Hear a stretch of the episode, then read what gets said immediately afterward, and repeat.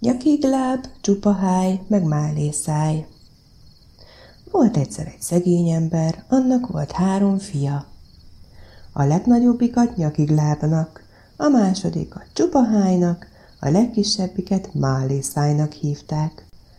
Ezek annyit tudtak enni, hogy az apjuk még kenyérből sem tudott nekik eleget adni. Egyszer azt mondja nekik, hogy menjenek már szolgálni, keressék meg a maguk kenyerét. Kiették már őt mindenéből. Elindul a legnagyobbik nyakigláb.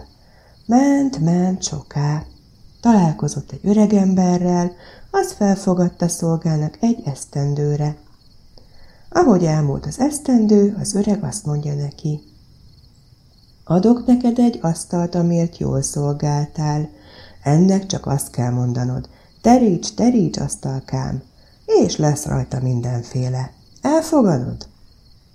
Márhogy én, aki a hegyet megette volna kenyérrel. El, el! Nyakigláb alig várta, hogy kiérjen a faluból. Egy bokor mellett előveszi az asztalt, s mondja tüstént neki.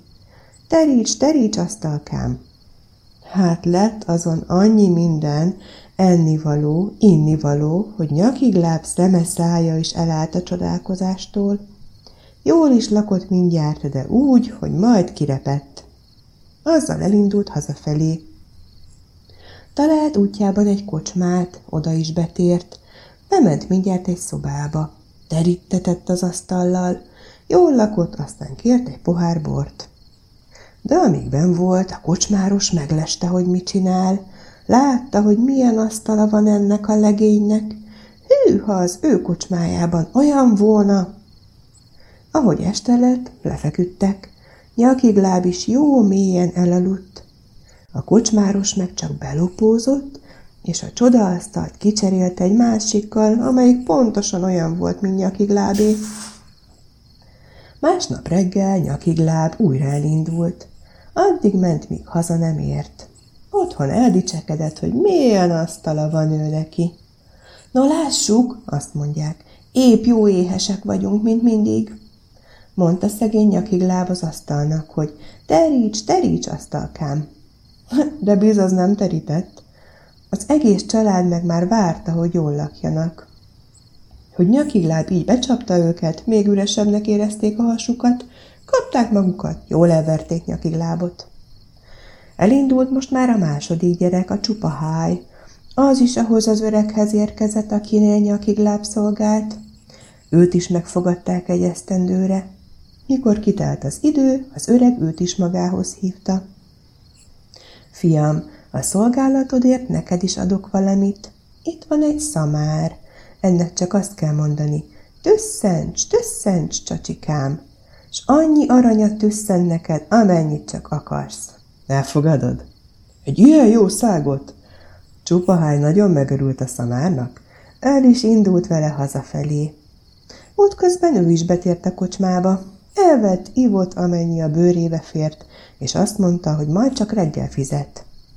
De a szamarat magával vitte a szobájába. Ahogy este lett, odaállította maga elé, és azt mondta neki. Tüsszents, tüsszents, csacsikám!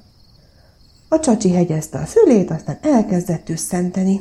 Tüsszentett is egy végből olyan sokat, hogy csupaháj már alig fért a sok aranytól. Felszette az aranyat, és lefeküdt de a kocsmáros a kulcsjukon ezt is megleste. Mikor észrevette, hogy csupaháj már alszik, bement a szobába hozzá, és a szamarat is elcserélte egy másikkal. Csupaháj vitte haza a csacsit, ő is nagyra volt vele, hogy mit szolgált. De amikor rászólt a szamárra, hogy tüsszentsen, az bizony egyetlen aranyat sem tüsszentett a padlóra, hiába várták. Csupaháj se vitte el szárazon, őt is jól elverték. Szegény apjuk már kétségbe volt esve, hogy egyik gyereke sem tud rajta segíteni. Elindította a legkisebb fiát is, Málészájt. Ez is elvetődött az öreg emberhez. Őt is felfogadták egy esztendőre szolgálnak. Mikor letelt a szolgálata, azt mondja neki az öreg. Fiam, jutalom nélkül téged se eresztelek el. Itt van egy zsák, ebben van egy furkó. Ennek csak azt kell mondani. Ki a zsákból, furkócskám? s akkor a furkó kiugrik, s azt verhetsz meg vele, akit akarsz. Máli szája hóna alá vette a furkót, és elindult vele hazafelé. Neki is útjába esett a kocsma, már nagyon éhes és szomjas volt. Bement. Elvett, ivott, amennyi jól esett.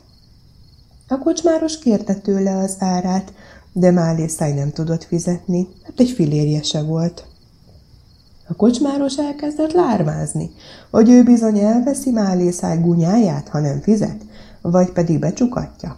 Erre Málészájt is elfutotta a méreg, elővette a zsákot, és azt mondta, ki a zsákból, furkócskám? Verd meg a kocsmárost! A furkó csak kiugrott a zsákból, neki a kocsmárosnak, és cséhi-puhi elkezdte porolni. A kocsmárosnak hamar elege lett a verésből, elkezdett jajgatni. Jaj, jaj, hagyd abba a verést, barátom, visszaadok mindent, amit a bátyáitól elloptam. Málészáj csak nagyot nézett. Mit lopott el Kend az én bátyáimtól? Hm, hát a teríts asztalt, meg az aranytüsszentő szamarat. De a furkó még folyvást ütötte a kocsmárost ez alatt is. Azt mondja Málészáj. Jó, ha visszaadod az asztalt meg a szamarat, akkor nem bántlak. Vissza-vissza, furkócskám, a zsákba. A furkó visszament, a kocsmáros meg behozta az asztalt meg a szamarat, és odaadta Málészájnak. Málészáj hazament. Otthon elmondta a testvéreinek, hogyan szerezte vissza az asztalt is, meg a szamarat is. Volt már mit enni meg inni, volt pénz is, amennyit akartak. A szegényebbek családja így aztán nagyon boldog lett. Itt a vége, fuss el véle, ugorját egy más mesére, báltaszékről bálkára, öreg anyám hátára.